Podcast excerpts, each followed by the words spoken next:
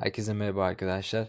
E, bugün Tanzimat Edebiyatı'nın e, son konusu olan Tanzimat Edebiyatı ikinci dönem sanatçılarının genel özellikleri ve kim olduğunu bahsederek e, podcast'imize başlıyoruz. Hazırsanız başlayalım.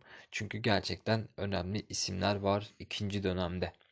İlk ismim Recaizade Mahmut Ekrem. Arkadaşlar Recaizade Mahmut Ekrem o dönem Galatasaray Lisesi'nde edebiyat öğretmenliği yapan bir kişi. Ve bu kişi yani bu yazar, şair e, ciddi anlamda yeni edebiyatı savunuyor. Ve yenilik üstadı diyorlar. Zaten kendi döneminde de üstad olarak nitelendiriliyor Recaizade Mahmut Ekrem. Peki biz Rec Recaizade Mahmut Ekrem'i nereden biliyoruz? Arkadaşlar hepimizin bildiği ve sürekli aslında her yıl ezberlediğimiz bir romanı var kendisinin. Nedir o? İlk realist roman olan Araba Sevdası'nın yazarıdır Recaizade Mahmut Ekrem. Araba Sevdası da güzel bir romandır. Okuyabilirsiniz. Gerçekten iyi bir kurgusu vardır. Öyle söyleyelim. Onun dışında Recaizade Mahmut Ekrem e, şiir anlayışı da var. Ve şiirleri gerçekten çok kaliteli şiirler. E, ve şiir hakkında şöyle bir görüşü var. Diyor ki Recaizade Mahmut Ekrem. Güzel olan her şey şiirin konusu olabilir. Yani kardeşim şiir güzel bir şeydir. Ve biz şiirimizde genelde güzellikleri anlatırız. O halde şiir e, güzel olan her şeyin konusu olabilir. E, bu noktada gerçekten e, Necazade Mahmut Ekrem şiir ile ilgili görüşü çok önemlidir. Onun dışında arkadaşlar kendisi romantizm akımından etkilenmiştir ama pek çok farklı eserinde pek çok farklı akımlar vardır. Bunu sentez yapmıştır aslında. Örnek verecek olursak e, kendisi tiyatrolarında klasisizm akımını kullanıyor. Zaten klasisizm komple tiyatro akımına bağlı bir e, sanat anlayışı. Onun dışında şiirlerinde romantizm kullanıyor. Roman ve hikayelerinde ise realizm kullanıyor. Gördüğünüz gibi aslında tam bir sentez adamı Recaizade Mahmut Ekrem. Onun dışında Recaizade Mahmut Ekrem'le ilgili bilmemiz gereken çok önemli bir şey varsa da o da Muallim Naci ile olan bir e, tartışmaları diyebiliriz ya da bir e, sürtüşmeleri. O da şu şekilde. Muallim Naci ile Recaizade Mahmut Ekrem o dönemde Galatasaray Lisesi'nde edebiyat öğretmenliği yapan iki kişi. Muallim Naci eski edebiyatı savunuyor ve kafiyenin göz için olduğunu bahsediyor. Yani Muallim Naci tamamıyla aslında e, eskiyi savunan ve divan edebiyatı gelen, geleneklerine tamamıyla bağlı bir adam. Bu noktada da kendisi e, kafiyenin göz için olduğunu savunuyor ve Demdeme adlı eserini yazıyor. Buna nazire yaparaktan Recaizade Mahmut Ekrem de e, kendisine şöyle diyor. Kafiye göz için değil kulak içindir. Ve Muallim Naci'ye karşılık olarak Zemzeme adlı eserini yazıyor arkadaşlar. Bu önemli bir e, tartışmadır edebiyatımızda. Sık tıpkı Ziya Paşa ve Namık Kemal'de olduğu gibi biliyorsunuz ki Ziya Paşa harabatı yazmıştı. Onun peşi sıra gelen Namık Kemal de tahribi harabatı yazmıştı eski yeni tartışmasına mütakip olarak. Onun dışında arkadaşlar Recaizade Mahmut Ekrem'in e, eserlerinde çoğunlukla aruz ölçüsü kullandığını bileceğiz. Çünkü bu dönemde aruz ölçüsü hiçbir zaman terk edilmemiştir. Çünkü hece ölçüsüne yazmaya, hece ölçüsüyle yazmaya sanatçılar alışık değildir. Recaizade Mahmut Ekrem'in eserlerine baktığımız zaman da ilk olarak tabii ki romanlarında araba sevdasını başa koyacağız. Çünkü gerçekten bilmemiz gereken bir eseridir bu. ilk realist romandır. Öykülerine baktığımız zaman da yine ne demiştik? Realizm akımından etkilenerek öykülerini vermiştir Recaizade Mahmut Ekrem. Şemsa ve Muhsin Bey adlı iki tane öyküsü vardır bilmemiz gereken. Onun dışında şiirleriyle ünlüdür. Zaten üstad olarak da geçer. Recaizade Mahmut Ekrem. Name-i Seher, Yadıgari Şebap, Peşmürde, Zemzeme 1, 2, 3. Bunlar da üçüncüsünde yani Zemzeme'nin üçüncüsünde Muallim Naci'den söz eder. Yani Muallim Naci ile tartışması Zemzeme 3'tedir, 3'tedir arkadaşlar. Nijat Ekrem ve Nefrin adlı e, şiirleri vardır. Onun dışında arkadaşlar Recaizade Mahmut Ekrem ile ilgili bilmemiz gereken diğer bir özellik ise şu. Kendisi Servet-i Fünun edebiyatının temellerini atan kişidir. Bunu nasıl yapmış? Şu şekilde o dönem Galatasaray Lisesi'nde öğretmenlik yapan öğrenciler e, Recaizade Mahmut, Mahmut Ekrem'in öğrencileri. Ve yıllar geçtikten sonra bu öğrenciler büyüyor ve Servet-i Fünun edebiyatını kuruyorlar. Servet-i Fünun edebiyatı da biliyorsunuz ki edebiyatımızın en güçlü dönemlerinden biri ki belki de en güçlüsüdür. Ee, bu öğrenciler işte Ahmet Haşim'di, ne bileyim Cenab Şahabettin'di gibi gibi isimler e, Recaizade Mahmut önderliğinde yani onun fikirlerinden etkilenerek Servet-i edebiyatını kuruyorlar. E, bu noktada da Servet-i edebiyatının başlangıcı olarak yani başlatıcısı olarak aslında biz Recaizade Mahmut Ekrem'i söyleyebiliriz. Onun dışında arkadaşlar Recaizade Mahmut Ekrem'le ilgili bilmemiz gereken farklı başka önemli bir şey yok. E, bunlar yeterli olacaktır kendisi hakkında. Onun dışında geçelim ikinci ismimize. İkinci ismimiz de Abdülhak Hamit Tarhan. Arkadaşlar Abdülhak Hamit Tarhan o dönem şairi azam lakabıyla anılmıştır. E, bu lakabı ona hani biri söylemiyor. Bir tane şiiri var Abdülhak Hamit Tarhan'ın e, şairi azam diye. O şiiren o şiirinden e, yola çıkılarak kendisine şairi azam lakabı takılıyor. Onun dışında dili ağır ve kusurlu bir üslubu vardır e, anlaşılmaz bir üslubu vardır maalesef ki Abdülhamit Tarık'ın. Onun dışında kendisi hakkında bilmemiz gereken ilkler vardır. O da şudur. İlk pastoral şiir olan Sahra'yı yazmıştır. Biliyorsunuz ki Sahra e, yani pastoral şiir demek şu demek. E, doğayı betimleyen, doğayı anlatan şiirler. Bu noktada da Abdülhamit Tarhan Sahra'da aslında Sahra çölünü anlatmıştır. Zaten kendisi de elçidir arkadaşlar e, Osmanlı'da elçilik yapmış bir kişidir. Onun dışında bilmemiz gereken çok önemli bir şey varsa da o da e, ağıt niteliğindeki Makber'i yazmıştır. Makber'in hikayesi duygusaldır ve bir o kadar da aslında e, acıklıdır. Abdülhamit Tarhan arkadaşlar e, elçilik yapıyor. Şu anda tam nerede yaptığını bilmiyorum ama Suriye civarında bir elçiliği var. Şam olması lazım.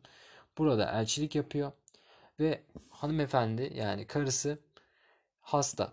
Çok hasta ve e, tekrar Osmanlı topraklarına gitmesi lazım. Yani Abdülhamit Tarhan'ın isteği de bu. Osmanlı topraklarında hani eğer vefat edecekse de orada gömülmesini istiyor. Tedavi edilecekse de Osmanlı topraklarında tedavi edilmesini istiyor. Ve kendisi e, eşiyle beraber bir gemiye biniyorlar. Bu çok büyük bir risk aslında. Çünkü eğer hanımefendi yolda ölürse denize atmak zorundalar. O dönemin kurallarından biri bu. Fakat hanımefendi yolda ölmüyor ancak e, bir limanda mola verdikleri bir limanda eşini kaybediyor Abdülhamit Tarhan.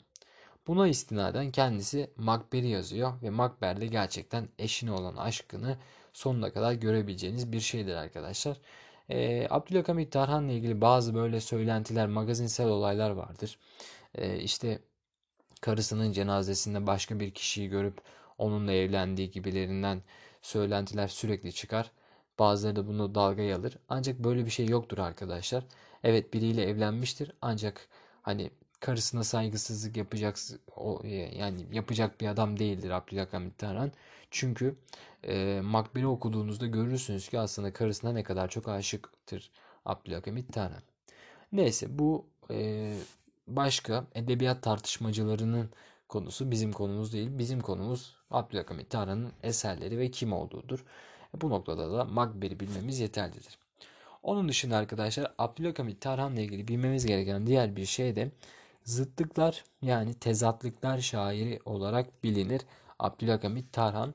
E, biliyorsunuz ki biz zıtlık, zıtlıkları bir kişi daha için daha kullanmıştık.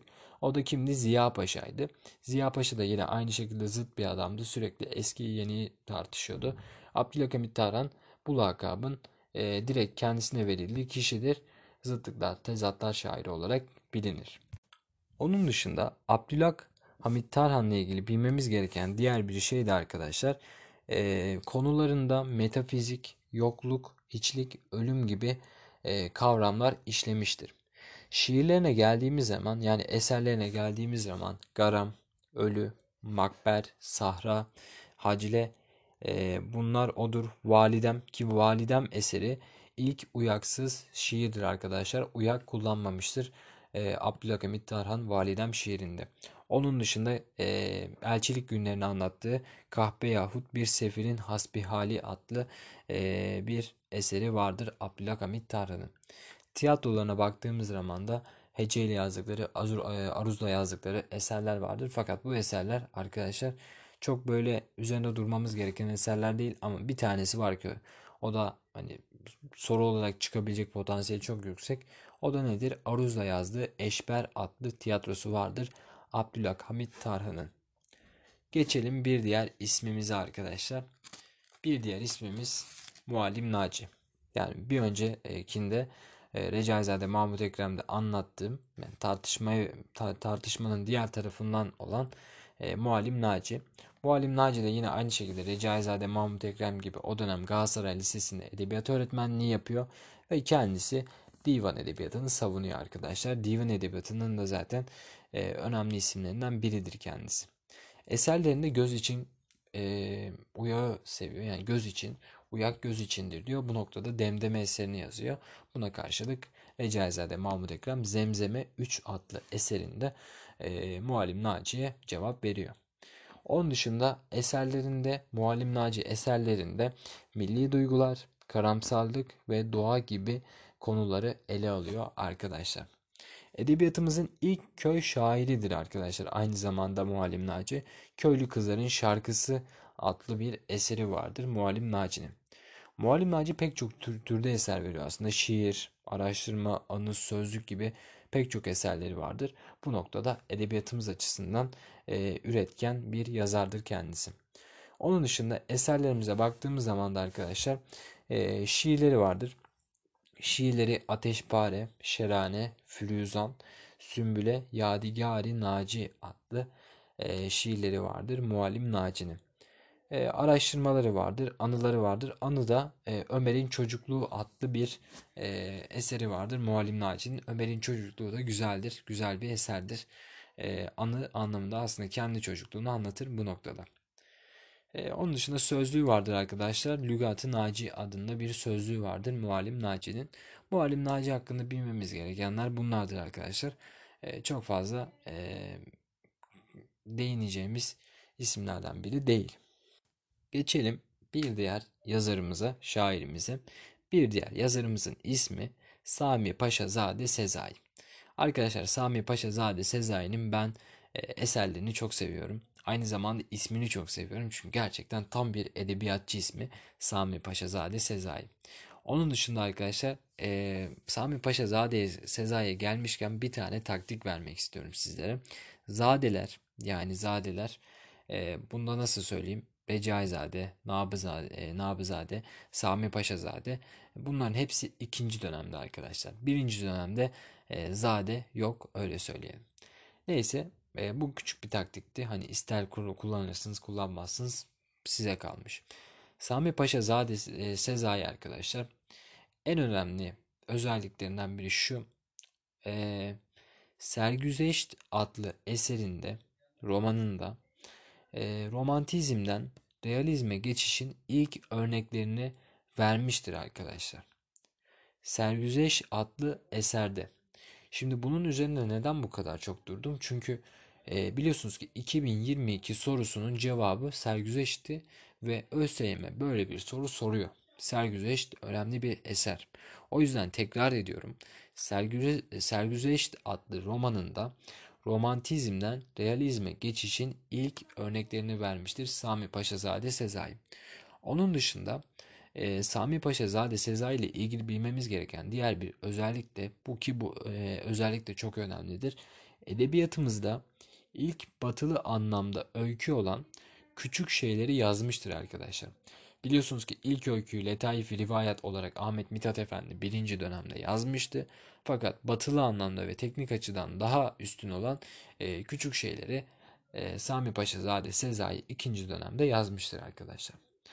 Onun dışında e, bu yazarla ilgili, ilgili bilmemiz gereken diğer bir şey de arkadaşlar e, eserlerinde gözlem geniş yer tutuyor.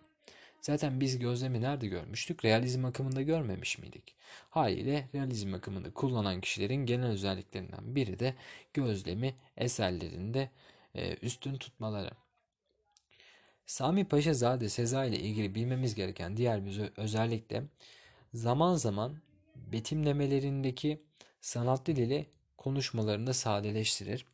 E, bu noktada da e, gerçekten e, aslında üzerinde durulması bir şeydir. Hem betimliyor adam yani çok sanatlı bir dil kullanıyor ama konuşurken sade bir dil kullanıyor Sami Paşazade Sezai. Sami Paşazade Sezai'nin tekniği güçlü bir e, öykücüdür arkadaşlar. Ee, önemsiz, şaşırtıcı olayları konuşma diliyle anlatır ki bu gerçekten önemli bir iştir.